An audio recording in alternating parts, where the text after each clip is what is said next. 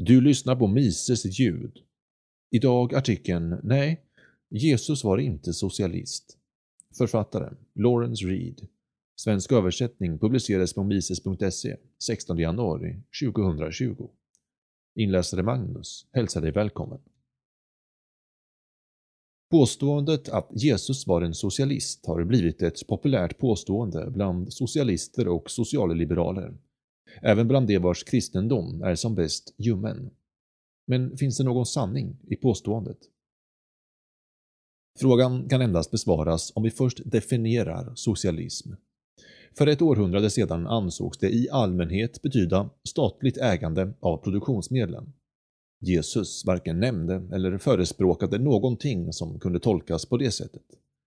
Definitioner av socialism har dock ändrats med tiden. När kritiken som framfördes av Mises, Hayek och Friedman förstörde det intellektuella argumentet för socialismens ursprungliga form och när verkligheten visade sig att de hade rätt, vände sig socialisterna till en annan definition. Ekonomisk centralplanering. Du kan leta länge och väl i Nya Testamentet och inte hitta ett enda ord där Jesus uttrycker stöd för att ge politiker och byråkrater makten att omfördela resurser, välja vinnare och förlorare. Säga till entreprenörer hur deras företag ska drivas, minimilöner eller pristak, tvinga arbetare att gå med i fackförbund eller ens att höja skatten. När fariseerna försökte lura Jesus att förespråka skatteflykt lät han smart nog andra bestämma vad som tillhörde staten genom att säga så given kejsaren vad kejsaren tillhör och Gud vad Gud tillhör. Likväl var skatteflykt en av de anklagelser som ledde till Jesus korsfästelse. När det visat sig att centralplanering inte fungerade fokuserade socialisterna istället på något annat, välfärdsstaten. Bernie Sanders och Alexandra Ocasio-Cortez socialism är en välvillig, egalitär förmyndarstat där den rike Peter rånas för att betala för den fattige Paul. Den kännetecknas av en massa saker som ges gratis av staten. Saker som givetvis inte alls är gratis. Det är faktiskt ganska dyrt, både avseende den byråkrati som krävs för att hålla liv i systemet och det demoraliserande beroende som det skapar hos dess mottagare. Är detta verkligen vad Jesus hade i åtanke? Knappast. Visst är det så att det är särskilt passande, så här i juletider, att tänka på att hjälpa de fattiga. Det var trots allt en viktig del av Jesus budskap. Hur vi bäst hjälper de fattiga är dock en väldigt viktig fråga. Kristna beordras att älska, att be, att vara goda, att tjäna, att förlåta, att vara sanningsenliga, att dyrka den enda guden och lära sig att växa i både ande och karaktär. Alla dessa saker är högst personliga.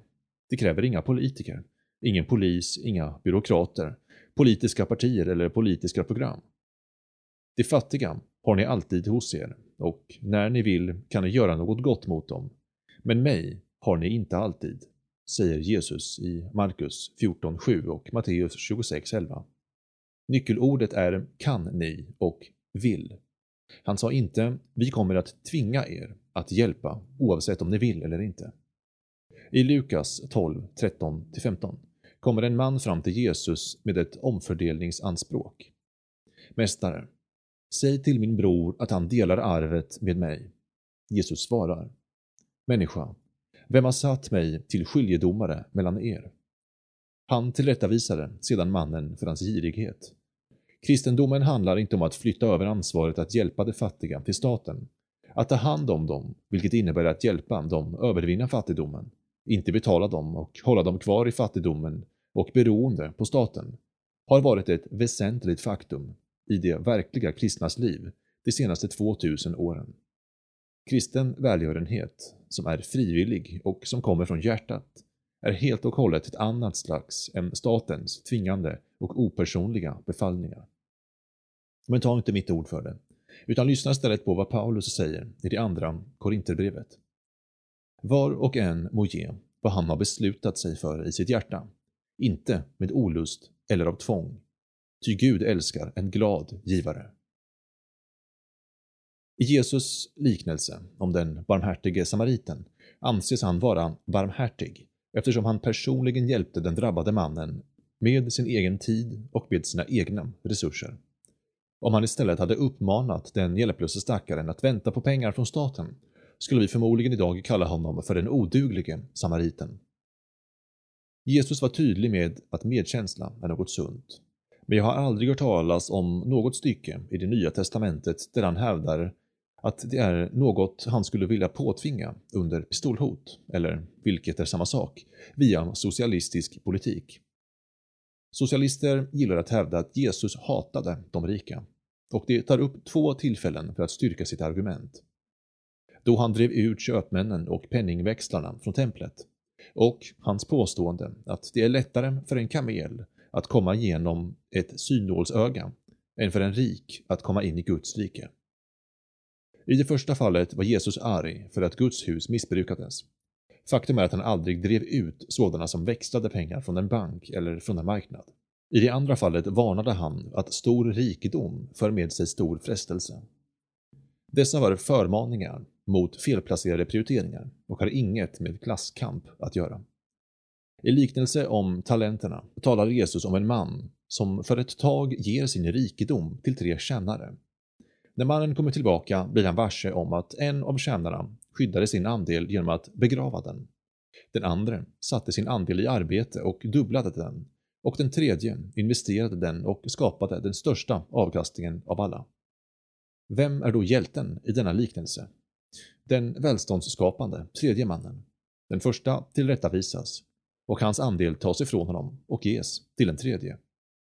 Det låter inte särskilt socialistiskt, eller hur?